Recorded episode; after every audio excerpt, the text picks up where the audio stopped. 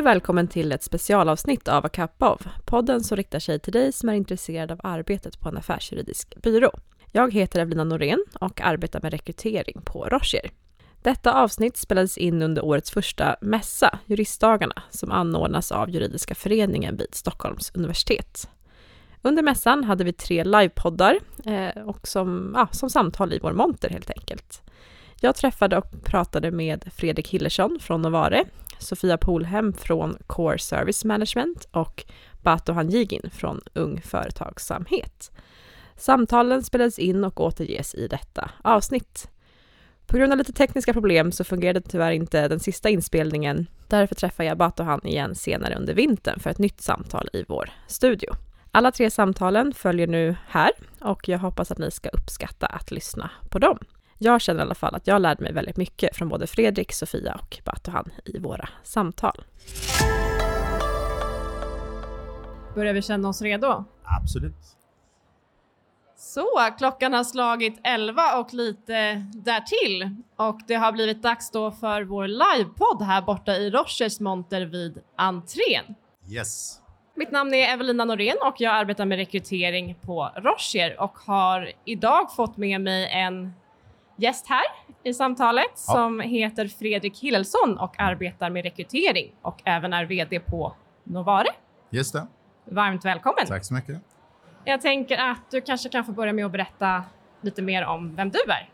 60-årig för detta officer, beteendevetare, var personalchef för 15 år, jobbade på Anderson Consulting, Scania, Investor eh, och startade för 23 år sedan ett av Sveriges ledande ja, rekryteringsföretag som heter Novare. Jag är gift, har sju barn i min familj. Spännande. Och jag tänker att de flesta som lyssnar här idag är nog studenter mm. och kanske är i början av sin karriär eller inte har inlett sin karriär än. Vad skulle du säga att man bör tänka på som eh, student och som ny i karriären för att skapa rätt förutsättningar för sig själv? Men jag gick själv ut universitetet här 1990, så det är första gången sedan dess som jag är här faktiskt. Eh, men jag skulle säga att det är ju så att liksom, är man student så lever man i sin bubbla som student och sen så ska man ut i arbetslivet och där tycker jag många gör ett misstag, åtminstone på min tid, att man liksom inte börjar bygga relationer tidigt med arbetslivet. Så det är väl ett sånt där råd att försök liksom tidigt, redan när du börjar plugga som jurist, att börja bygga relationer mot, mot Rocher och andra. Liksom. Det tror jag är en, en viktig grej. Det är ett bra tillfälle här idag att Absolut connecta med mm. framtida arbetsgivare. Um, men behöver man ha en tydlig plan för sin karriär? skulle du säga? Alltså, det finns ju alltid de som är superstrebriga och vet precis vad de ska göra. Jag vet inte om deras liv är så roliga. Jag tror att fler och fler idag är ganska lustfyllda med vad de vill göra. Så att jag tror att på min tid, då ville man kanske liksom jobba på ett enda ställe. Nu tror jag att dagens ungdomar kommer välja liksom, kanske jobba kortare tider, kanske efter två, tre år säga att jag är på Rocher, men nu vill jag faktiskt åka och jobba som volontär i Afrika i sex månader. Och på min tid var sånt ohört. Det kommer komma mer och mer. Och där tror jag arbetsgivare som är progressiva måste förstå att det kommer bli annorlunda. Jag förstår. Men hur ska man då tänka för att... Man kanske testar flera jobb under karriären, men hur ska man tänka för att säkra sitt, sitt drömjobb? Ja, ett sätt är ju att man under sin studietid försöker få jobb på Rocher och andra under sommaren och liknande för att se, är det här en arbetsplats där jag kommer trivas? Eh, det tror jag är ett sätt att göra. Att man liksom inte bara säger bara plugg, plugg, plugg, plugg, även om det är jätteviktigt, utan man även liksom testar på olika typer av, av arbetsgivare under sin studietid. Det tror jag är viktigt. Mm.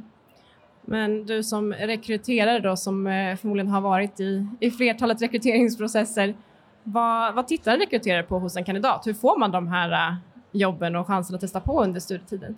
Alltså, när jag var på Anderson Consulting, då tittar man nästan uteslutande på betyg.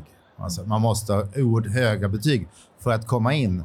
Och vi pratade lite grann innan, och jag antar att Roger också tittar på betyg för att liksom komma förbi första tröskeln. Men sen handlar det oerhört mycket om sin personlighet och idag är ju många ungdomar som, som gör så otroligt mycket än bara pluggar.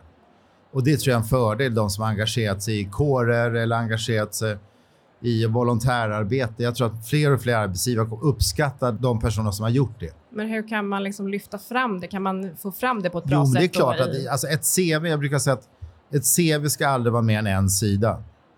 Skriver ni mera, då har ni för mycket att dölja. Så att, kör kort och koncist, lyft fram inte att ni var liksom, vad ni gjorde i, i grundskolan, för det är ingen som bryr sig, men att vad man gjort under gymnasietiden och studenttiden. Har man sagt, men jag har varit volontärarbetare på ja, någon organisation. Det är positivt idag. Mm. Du nämnde också det att eh, det handlar mycket om personligheten mm. också. Hur kan man få fram det på ett, ja, på ett alltså, bra sätt? Alltså jag, jag, som, jag intervjuar 700-800 människor per år. Jag kanske gör 40 rekryteringar. För mig att rekrytera en 24-åring är mycket, mycket svårare än en 44-åring eller en 54-åring. För man har inte så mycket att gå på. Så att, så att, och det här med personlighet, det... Ta så här, ska man, skri, ska man ha ett fotografi med sig i sin CV? Jag tycker det.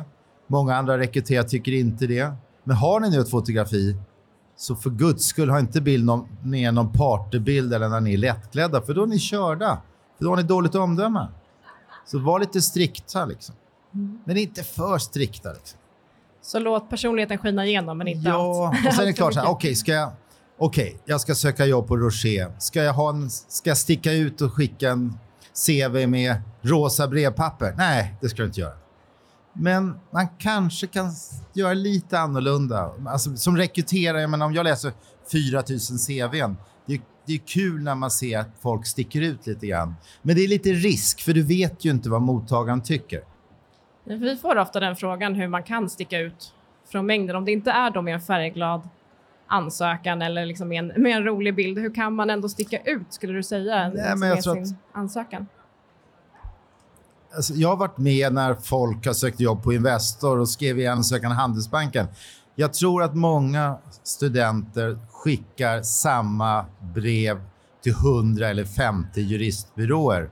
Det tror jag är ett misstag. Utan ska man sticka ut så ska man nog i brevet lägga ner lite tid på att förstå om Roger och kanske om jag har kollegor som jag... Alltså att man, man lägger ner lite mer tid än att man ska skicka ut ett massmail till, till 100, 100 byråer. För då sticker man inte ut. För vi rekryterar märker om du har kört massköret. Ja, men det kan jag ändå instämma med. Mm. Det är okej att man söker fler arbetsplatser, men man Absolut, får menar, rikta alltså, ansökan. På min tid då var det så lite grann att arbetsgivaren, vi var där uppe och, och studenterna ska stå med mössan i handen och vara jävligt tacksamma för att man får komma på intervju. Idag är det inte så. Jag menar, idag är det en enorm konkurrens. Och så tror jag många studenter faktiskt kollar med tidigare kollegor och studentkollegor. Hur är det att jobba på Rocher? Mm. Och då är det viktigt att man liksom lite grann walk the talk och inte översäljer. Mm. Ja, men det har du rätt i. Eh, men om man tänker, det är inte, du var inne på det med liksom skillnaden mellan arbetsgivare och kandidat och det är ju inte bara vi arbetsgivare som söker kandidater mm. eh, utan det ska ju verkligen vara att kandidaten hittar sitt sitt rätta jobb. Vad kan man liksom titta på hos arbetsgivare och vilka frågor kan vara bra att ställa? Jag tänker i samband med sånt här event som är här idag också. Nej, men jag, jag tror att alltså, när jag gick ut, då pratade man bara om shareholder value. Hur gör man sin arbetsgivare rikare? Idag, om, man, om du är 90-talist, så vill du jobba på ett företag som har ett äkta engagemang i sociala frågor. Jag menar, Rocher engagerade en grej som vi gör kring, kring ukrainska flyktingar sånt gör att, att dagens ungdomar säger att ja, men jag vill jobba här, för de gör mer än bara tjäna pengar. Den tror jag blir viktigare och viktigare. Och där, men där är det viktigt att man liksom verkligen gör det på allvar och inte bara kör det här greenwashing gulligullandet. Liksom. För det ser studenterna igenom och det är livsfarligt. Mm. Jag tänker också mycket när man är på sådana mässor att det kanske låter ganska likt. Arbetsgivarna säger mycket, mycket samma sak. Vad kan man ställa för frågor för att kanske komma in lite mer på djupet och förstå mer om, om arbetsgivaren och vilka möjligheter som finns ja, alltså det, där? Ja, alltså jag har egentligen inget bra svar på det. Utan, men jag tror liksom att dagens ungdomar kollar mycket med andra kollegor. Det blir lite flockmentalitet. Vet man att den här personen går dit, då vill man nog gärna följa efter. Mm. Eh, sen är då frågan, jag tror många arbetsgivare inom, framförallt inom byråerna får nog tänka till liksom, hur behåller vi folk? Mm. För att det går ju alltid i cykler här med liksom, vad är viktigt? Är det viktigt att liksom tjäna mycket pengar eller vad är det som är viktigt? Men en trend som är jätteviktig nu för dagens ungdomar och som man har sett de senaste 30 åren, det är faktiskt att man kan ha en bra balans i livet. Så är man en byrå och man säger här jobbar vi 70 timmar i veckan, vilket man kanske ibland måste göra, men att alltid jobba 70 timmar i veckan, då kommer de byråerna ha svårt att få folk att stanna långsiktigt. Så det här med balans i livet tror jag är en viktig grej. Och det måste nog arbetsgivaren tänka på. Om man då lyfter fram det och har en sån diskussion så kan det bli ett bra samtal. Ja, men absolut. Okej, så att, men vad har du för andra tips då till, till de som är här idag? Är det någonting mer man kan tänka på? Jag tänker till, vi pratat lite om ansökan och så. Vad kan man tänka på i intervjuer till exempel? Nej, men jag tror så här liksom att, att se för guds skull till när du skickar en ansökan till Rocher eller andra att du inte har några stavfel i din ansökan. Det är ganska många CVn och ansökningar som faktiskt har ett stavfel. För man blir lite blind och risken är då att man åker ut. Sen om det är så att man kommer från ett annat land, inte är perfekt i svenska, då hoppas jag lite grann att en arbetsgivare kan säga nej men hon, vi ger henne the benefit of the doubt, även om hon, hennes svenska inte är perfekt. Så att man får in lite mångfald, för det tror jag byråerna, och det vet jag att ni tänker på, inte bara svenskar och finnar utan även andra. Det tror jag är jätteviktigt. Sen är intervjun, det är också här lite grann, ta det här med klädsel. Då kan man faktiskt ringa inför intervjun och fråga har ni någon speciell dresscode? Är det någonting man ska tänka på? Så att man inte kommer dit och är överdressad. Man kommer dit i slips och, och, och de som intervjuar inte har slips. Då känner man sig obekväm. Alltså att även ni då tänker på att inför den här intervjun, det här är dresscoden, tänk på det här så att folk känner sig trygga i intervjutillfället och inte känner att nu ska de komma och vara elak mot mig. Den, den tror jag är viktig. Liksom. Finns det något annat man kan göra för att förbereda sig för en intervju? Några Ja, speciella frågor man ska vara beredd på? ja, eller? Att ska man vara där 9 så är man där 8.30 så att man för guds skull inte komma för sent. Sova. Alltså att man laddar upp som om man ska liksom göra en idrottsprestation. Och, och man har ju oftast bara en chans. Det går inte att skylla på att man var trött, man hade festat kvällen alltså, man, har en, man har några få chanser. Man kan faktiskt också gå på lite övningsintervju om man känner någon som är rekryterare så kanske man kan gå en övningsintervju så att man inte är så himla nervös. Alltså, säg så här, i en intervju så får man inte vara för ivrig för på. Men man får inte heller vara för laid back. Utan det gäller att hitta den här liksom, att man känner sig trygg. Ja, att man visar nyfikenhet. Det är jättebra Ja, som du oh ja. säger att man ställer frågor själv, både nu innan men också under, Ja. under själva intervjun Ja. så att det blir mer av ett samtal. Och inte, inte de här mass, massansökningarna. För de, man sticker inte ut då och du som rekryterar, du vet direkt när du känner att det här brevet har skickat till 70 andra. Eller? Ja, speciellt om inte vårt namn nämns kanske. Nej, precis. Eller om man har sökt. Nej, men att, att, precis. Och det är klart att ja, nej, men Rocher är Finlands största, ett jättekänt verk även i Sverige. Om man då skulle lyfta fram att man är släkten av finska rötter, ja då sticker man ut på ett positivt sätt. Så att man gör det lite grann så att, så att du ler med, nej, gud vad det här var spännande, henne måste jag träffa. Väcka lite intresse. Ja. Ja. men jättebra insikter. Är det någonting annat som du vill eh, skicka med till eh, studenter? Som sagt, det är många som är i början av karriären och snart ska. Ta sig ut i sitt första heltidsjobb kanske. Ja, det är den här frågan. tips. Jo, men det här med liksom... Var noggrann med att kolla arbetsgivaren, hör med andra. Sen är då frågan, liksom, går in, tar det här jobbet, jag, jag ger Rocher ett år i taget eller säger nej men jag ska vara här i tre år. För jag tror att det här med att hoppa för mycket, det är inget bra. Utan jag tror att det är bättre att första jobbet, att nej men jag, jag, jag ger Rocher tre år och sen ska jag utvärdera tillsammans med min chef eller min projektledare. Så, för jag tror att det här hoppa för mycket, det, det, det tror inte jag är bra. Var öppen för att byta och testa nytt men ändå Absolut. ha lite tålamod också. Ja, Jättestort tack, Ja, tack för värdefulla Ja. insikter och Tack, för tack. att du delar med dig av din erfarenhet. Ja. Jag har en liten eh, gåva här borta till dig tror jag. Om du. Tack så mycket. en gåva skänkt i ditt namn till UNHCR för att stötta deras viktiga arbete. Tack så Tack mycket. så jättemycket. Tack till alla er som har lyssnat. Jag hoppas att det här kändes som ett intressant samtal. Och tycker ni att det här konceptet funkar bra så finns det ju faktiskt en riktig podd inspelad också som heter A Cup of där ni kan eh, lyssna på andra typer av teman. Eh, finns där poddar finns. Tack så mycket. I den här delen av vår live-podcast så har jag fått med mig en gäst eh, som heter Sofia Polhem. och som jobbar som jurist idag och som har haft lite olika tjänster sedan tidigare, vilket jag tänkte att eh, du skulle få berätta lite mer om. Så varmt välkommen och du får jättegärna presentera dig själv. Ja, tack så mycket. Eh, Sofia Polhem heter jag då. Ehm, eh, jobbar som bolagsjurist idag. Ehm, Började min eh, karriär på Rocher för ett antal år sedan eh, och har sen gått vidare därifrån. Eh, utöver att eh, vara jurist så har jag tre små barn hemma som eh, upptar mycket av all uppmärksamhet i livet. Det låter som att du har fullt, fullt upp. Eh, yes, så är det. Mm. Hur ser din roll ut i, du nämnde det att du har varit hos oss sedan tidigare men inte, Mm. du är inte kvar idag. Nej. Så vad jobbar du med i dagsläget? Ja, men jag är bolagsjurist på Core Service Management eh, där jag har en eh, generalistroll. Jag jobbar alltså med alla våra typer av juridiska frågor i princip, eh, för så jobbar vi eh, på det bolaget. Det är väl lite, eh, lite ovanligt, många bolag jobbar ju betyder att man har liksom sina egna specialistområden och det gjorde jag tidigare också. Men nu jobbar jag brett och det är jättekul. Mycket avtalsgranskning och, och avtalsskrivande. Något du brinner för? djupt, djupt och innerligt brinner jag för det. Ja, vad härligt. Vi pratade om det innan. Ja. Men eh, okej, så du har testat på lite olika roller då och lite bredare idag. Har du haft en långsiktig karriärplan eller hur kommer det sig att du hamnade där du hamnade i Ja dagsläget? men eh, från början, nej jag har nog inte haft en långsiktig plan men där jag har varit har jag väl alltid liksom strävat efter, alltså strävat liksom efter att bli, bli bäst på något sätt, strävat uppåt där jag har varit. Så när jag var på byrå så tänkte jag men det här är ju grymt, här, det här vill jag göra tills eh, liksom att bli partner.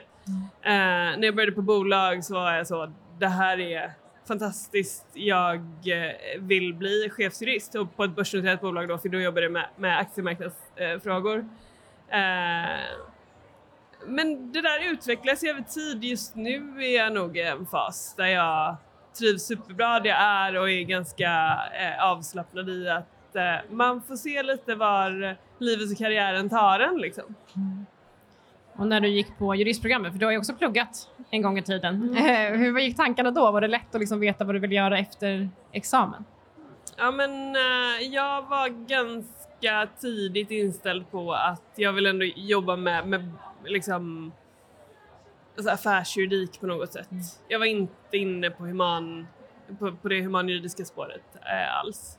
Lite triggad av att det på den tiden, det är ju eh, ja, men 15 eh, år sedan, någonting då som jag var mitt i studierna. ehm, då var det mycket snack om att ja, men det är killar som blir affärsjurister. Liksom. Det är så himla strålande killar och då tänkte jag varför det? Då, Ja, då ska jag väl också göra det. Ja. Nu ser det väl inte alls ut så. Och tur är väl det. Ja. ja. Ja, men vad spännande. Och jag tänker, ehm, när du också pluggade och så, så du inledde ju liksom juristkarriären som trainee Mm. eh, och jobbade under studietiden med juridik då, eller hur, hur såg eh, Ja, den men, tiden ut? eh, Nej men det funkade så att jag gjorde, jag, jag var uppsatstrainee på eh, Rocher. Mm. Eh, så att jag skrev, eh, skrev min examensuppsats eh, och valde att flytta upp till Stockholm då från Lund där jag pluggade. Och fick den här fantastiska möjligheten på Rocher. Det var mycket, mycket lyxigare än alla mina andra kompisar som var på andra byråer för att jag fick lägga all min tid på att skriva min uppsats men fick ju vara en del av liksom gemenskapen på byrån. Eh, fick framförallt en inblick i hur man jobbade och hur mycket man jobbade och liksom, ja, men började testa på lite grann. Jag började också småjobba lite grann även un- under den, det halvåret. Ja, jag förstår. Vad skulle du säga att du mest tar med dig från, från den tiden? Var det något du hade nytta av liksom senare i, i karriären eller vad kände du? Eh, men Mm. det, det var ju ett otroligt bra sätt att lära känna det som sen blev min framtida arbetsgivare. Eh, det var ju ett mm, lätt val då när jag fick frågan om jag ville stanna. Eh, att tacka ja till det för då visste jag vad jag gav mig in på. Det där är ju alltid läskigt liksom när man, eller det är okänt när man ska börja på ett nytt jobb. Man vet inte vad man får och det vet man ju när man har fått prova på på Ja. ett sånt tidsbegränsat sätt. Så det skulle jag absolut rekommendera alla liksom att ta, ta chansen och försöka få någon typ av traineetjänst innan man börjar jobba.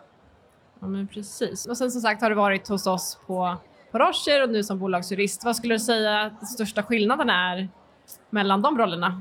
Eh, dels, nu jämför jag ju, när jag var på, på byrå så var det några av mina första år i karriären. Eh, då lär man sig jättemycket för att man jobbar jättemycket. Eh, nu är jag på ett annat ställe i, i, liksom, i livet och i karriären och, och har en ja, men liksom har en annan möjlighet att styra min tid. Eh, för att det är inte klienter som, som liksom styr vad jag ska göra och när. Eh, det är en stor skillnad och det andra är ju liksom att nu, att vara på bolag är ju att vara med i bolagets hela process mm. medan man som advokat och, och liksom jobbar projektbaserat och gör korta nedslag i klienternas verksamhet. Liksom. Ja, just det. Det är ändå lite, lite skillnad. Ja, men verkligen. Det är jättestor skillnad. Men kände du att liksom den byråerfarenheten ändå förberedde dig bra för att sen gå över till? Ja, otroligt bra. Ja. Jag tror att det hade varit... Ja, nej, det hade nog varit betydligt svårare att känna sig säker i bolagsjuristrollen utan att ha advokatrollen med sig. Mm. Ja, men jag förstår. Och jag tänker, eh, det är många studenter här idag, förhoppningsvis som lyssnar också. Vad kan man tänka på när man formar sin karriär och när man ger sig ut i, i yrkeslivet skulle du säga? För jag tänker att det är säkert många som har de funderingarna nu när man går runt här idag också. Att så här, hur ska jag lägga upp? Hade du en tydlig plan liksom? Och... Ja, men jag tror nog, framförallt i början av min karriär så var det ganska mycket bananskal. Ja. eh, och det var, det var någon som sa det om det var när jag började på Rocher eller liksom, om det var på någon sån här eh, liknande mässa eller någonting. Jag sa, ah, men det är bara bananskal som styr var man hamnar och jag bara gud det, det händer väl inte varje de där bananskalen liksom. Men det händer verkligen.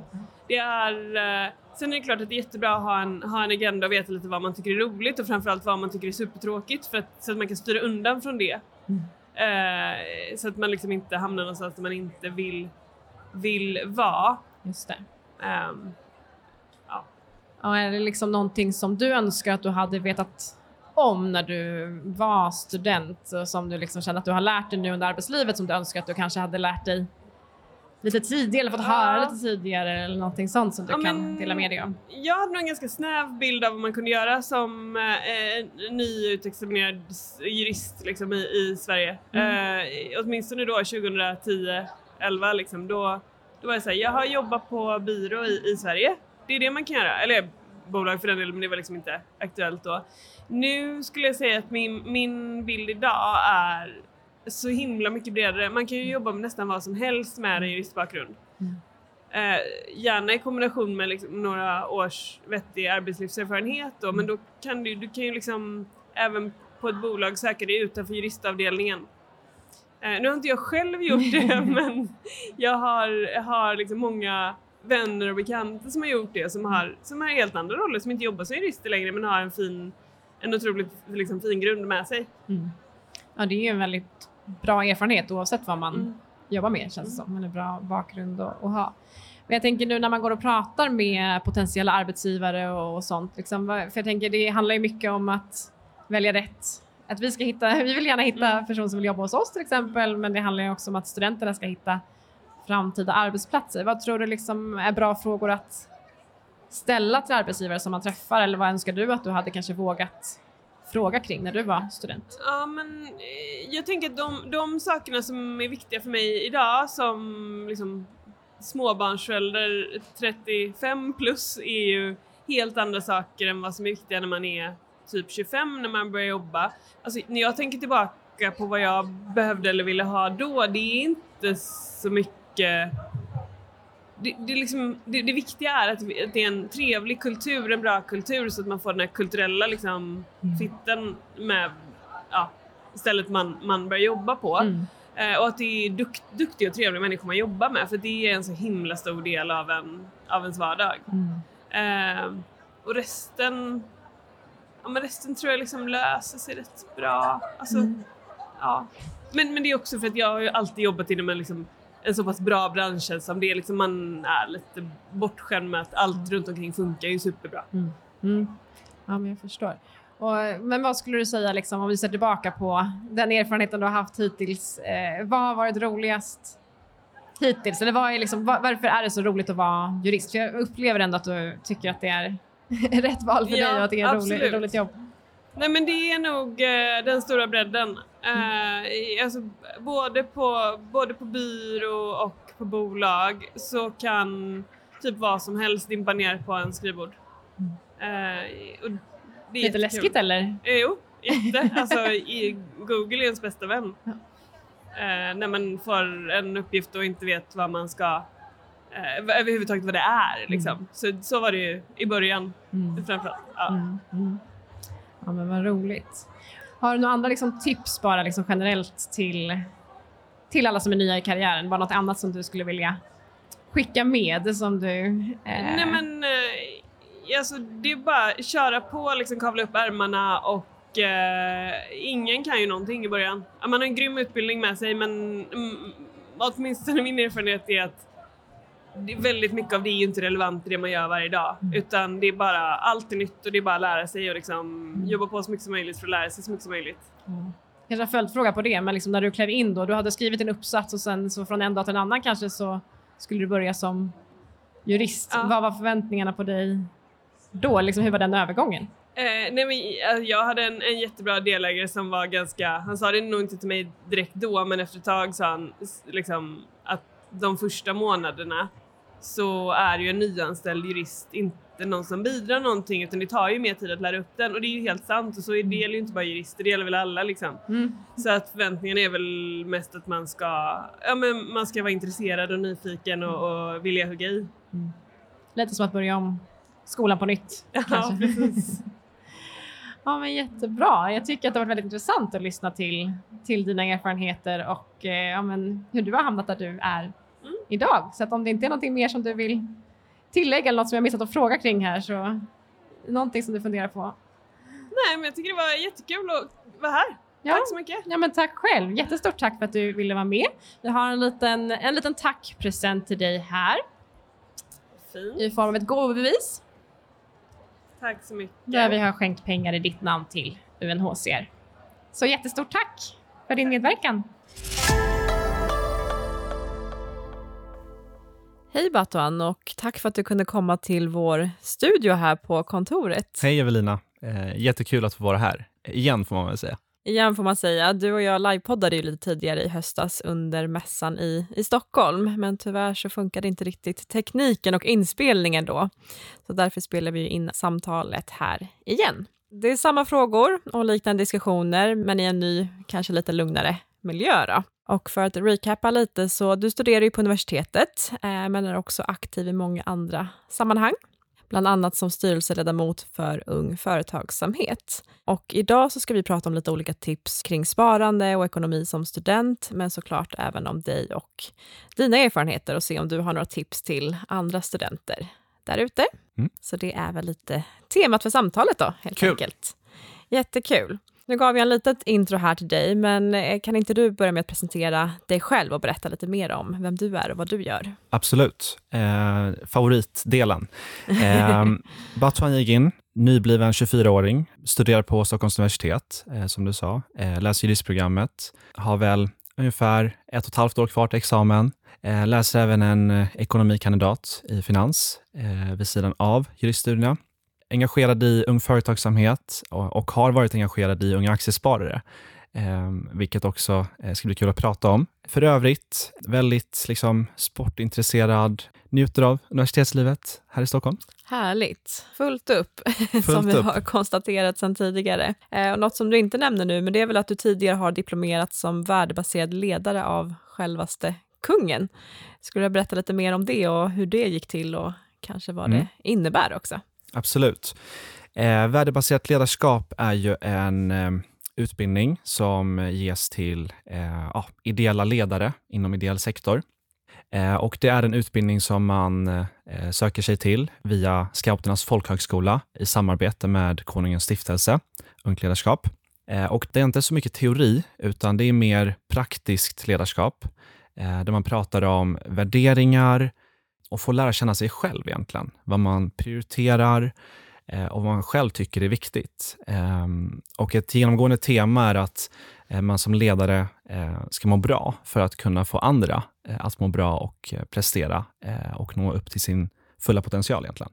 Så det här var en utbildning eh, jag slutförde under 2022 under fyra kurshelger där vi reste runt eh, i Sverige och eh, träffade egentligen 30 andra ideella ledare inom helt olika sektorer ska sägas, vilket var väldigt, väldigt lärorikt. Jag brukar säga att det är nog det bästa jag har gjort för min egna personliga utveckling, för att lära känna mig själv på riktigt och eh, veta vad jag prioriterar och att finna den här, det låter lite klyschigt att säga som juriststudent, men att finna balans eh, och faktiskt kunna vara hållbar i längden eh, var väldigt viktigt eh, under den här utbildningen. Det låter som ett bra komplement också till dina andra studier. För det är kanske sånt som man inte får lära sig från just juristprogrammet, ledarskapsfrågorna och så. Exakt, Mm. och eh, det är just det att universitetsutbildningen är ofta väldigt teoretisk. Eh, det praktiska är ofta eh, i väldigt begränsad utsträckning. Och det var ju väldigt, väldigt eh, bra, som du säger, som ett komplement. Eh, så att jag rekommenderar verkligen alla som har andra ideella uppdrag inom vilken sektor som helst, att eh, kika närmare på eh, värdebaserat ledarskap. Det knyter en väldigt viktiga kontakter, men också eh, en träff med likasinnade, eh, vilket är väldigt, väldigt eh, lärorikt, måste jag säga. Och som du nämnde så har du varit aktiv i Ung Företagsamhet och även i Unga Aktiesparare. Eh, och jag tänker om vi går lite mot studentperspektivet här så kan ju pengarna oftast vara lite begränsade. Eh, har du några tips till andra studenter gällande just privatekonomi, om vi rör oss in på det temat? Mm. Eh, nej, privatekonomi är väldigt spännande att prata om. Det är något jag brinner för. Man, man måste ha koll på sin egna privatekonomi till att börja med för att kunna eh, bli en bra affärsjurist också. Eh, för det handlar väldigt mycket om ehm, ja, liknande värderingar eh, i att få eh, klienternas ekonomi att eh, må bra också. Det finns väldigt många tips här. Framförallt handlar det om att eh, redan som student eh, kunna investera och börja investera.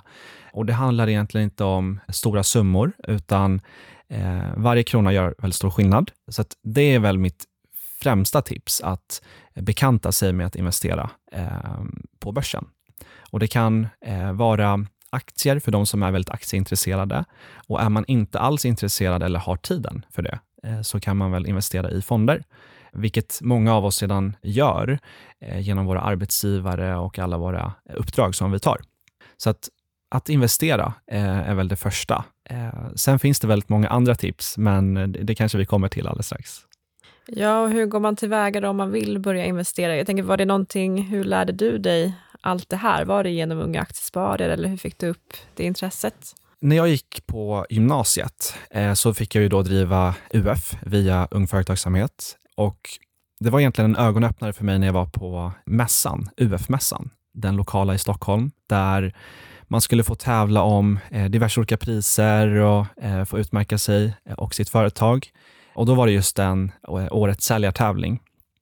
Eh, och då hade jag bestämt mig innan mässan att ja, men det här ska jag faktiskt ge en chans. Eh, för att jag älskar det sociala och pr prata med människor.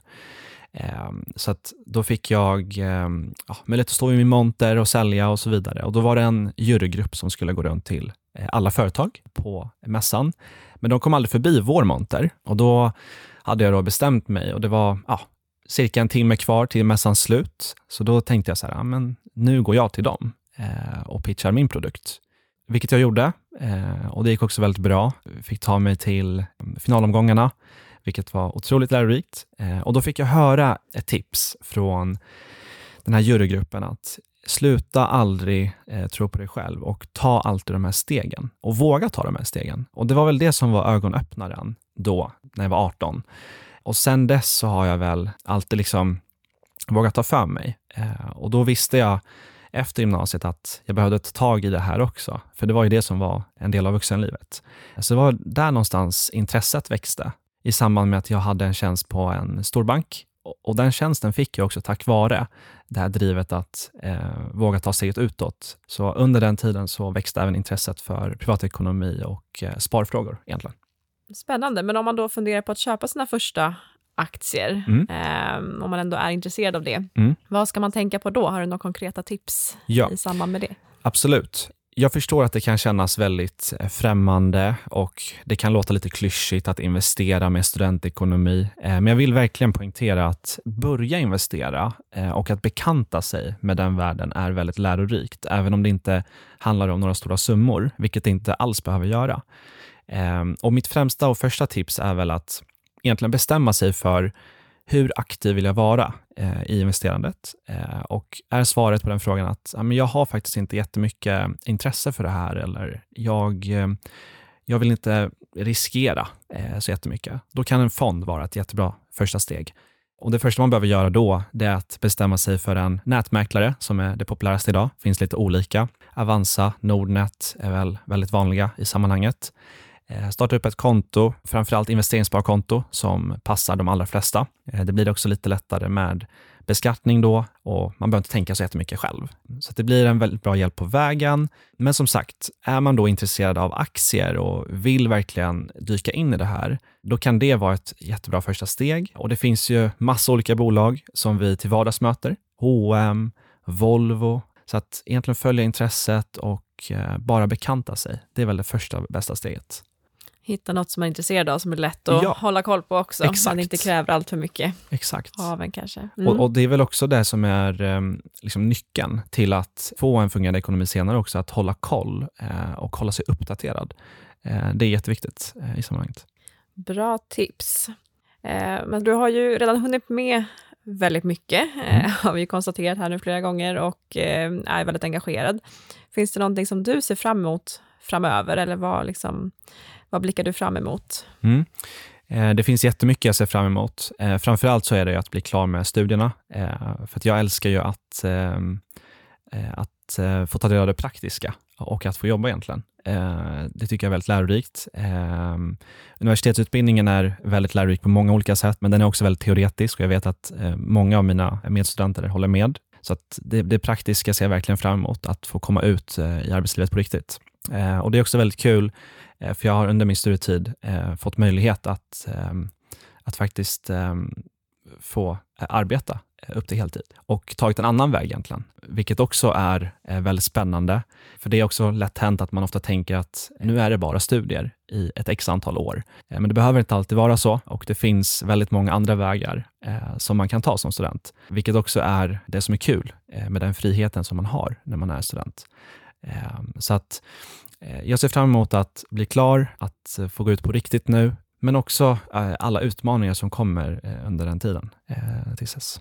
Spännande. Och nu har du skaffat dig arbetserfarenhet också. Eh, har du något tips till andra studenter vad man kan ställa för frågor till jag tänker potentiella arbetsgivare för att också hitta rätt plats för en själv eller så? Mm. Eller någonting som du önskar att du hade vågat fråga om tidigare? Eh, jag tycker det är en jätteintressant fråga eh, och något som jag själv eh, brinner väldigt hårt för.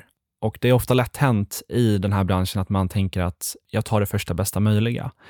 Men det, jag tror att det är oerhört viktigt att bekanta sig med ehm, när man då har ett hum om man, vad man vill jobba med, så att säga. Eh, vare sig om det är humanjuridik, eller om det är affärsjuridik, eh, eller om det är byråvärlden, eller finans, eller vad det nu kan vara, så tror jag att det är jätteviktigt att bekanta sig med alla olika eh, typer av arbetsgivare.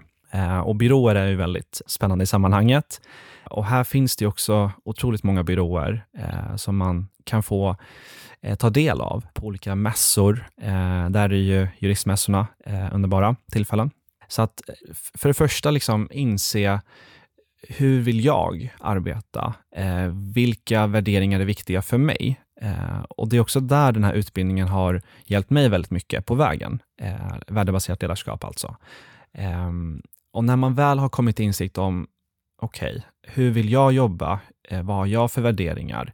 Eh, egentligen eh, bestämma sig för eh, vart man kan trivas. För det kan man faktiskt få ett hum om redan under studietiden.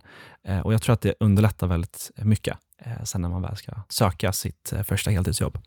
Ja, men hur tar man reda på det då? Finns det någonting man kan... eh, Ja, det beror ju såklart på vad man tycker är viktigt, men finns det någonting man kan fråga kring på mässor eller som du har frågat om på intervjuer eller eh, hur ser du på, på det? Hur kan man ta reda på de här eh, Mm. sakerna?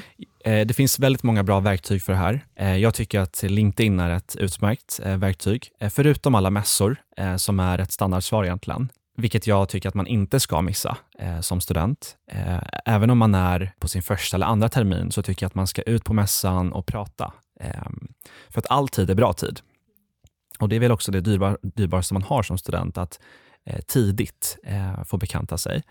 Ehm, men LinkedIn är ett jättebra verktyg. Eh, många av oss studenter är väldigt rädda för att eh, höra av sig till eh, olika typer av ja, människor på byråer. Det kan vara HR, det kan vara verksamma jurister, det kan vara partners, eh, det kan vara advokater eh, överlag. Eh, så tycker jag att det är jätte, jättevärt att eh, bara slänga iväg en kontaktförfrågan och eh, fråga om en digital kaffe.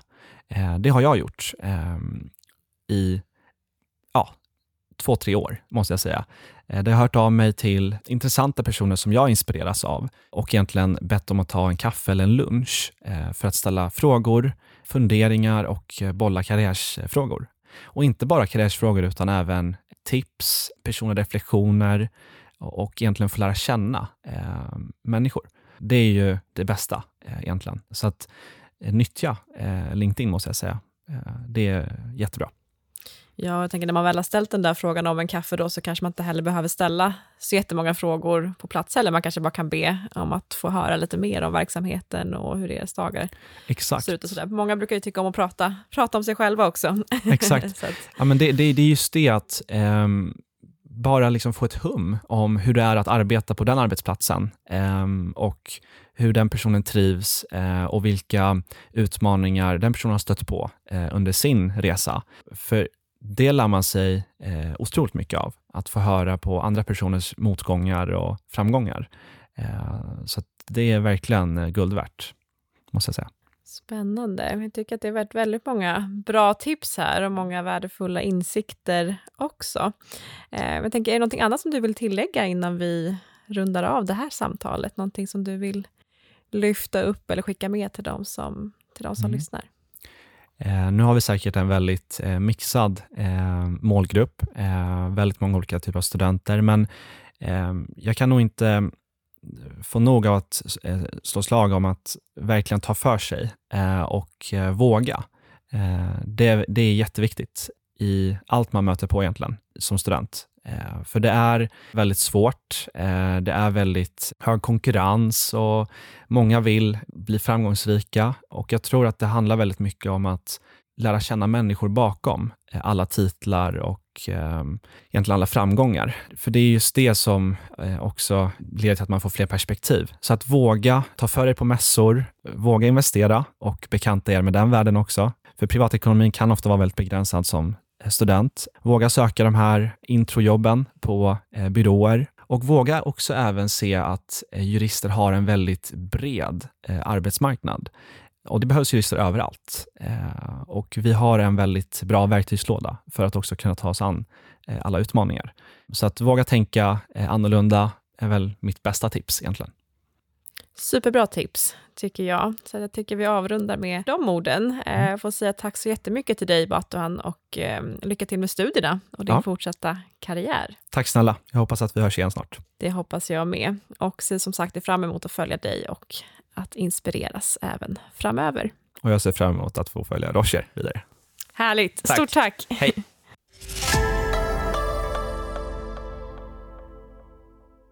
Som vanligt är du välkommen att höra av dig till oss på akapov.podcast.com om du har några frågor eller förslag på ämnen som du tycker att vi kan ta upp här i podden.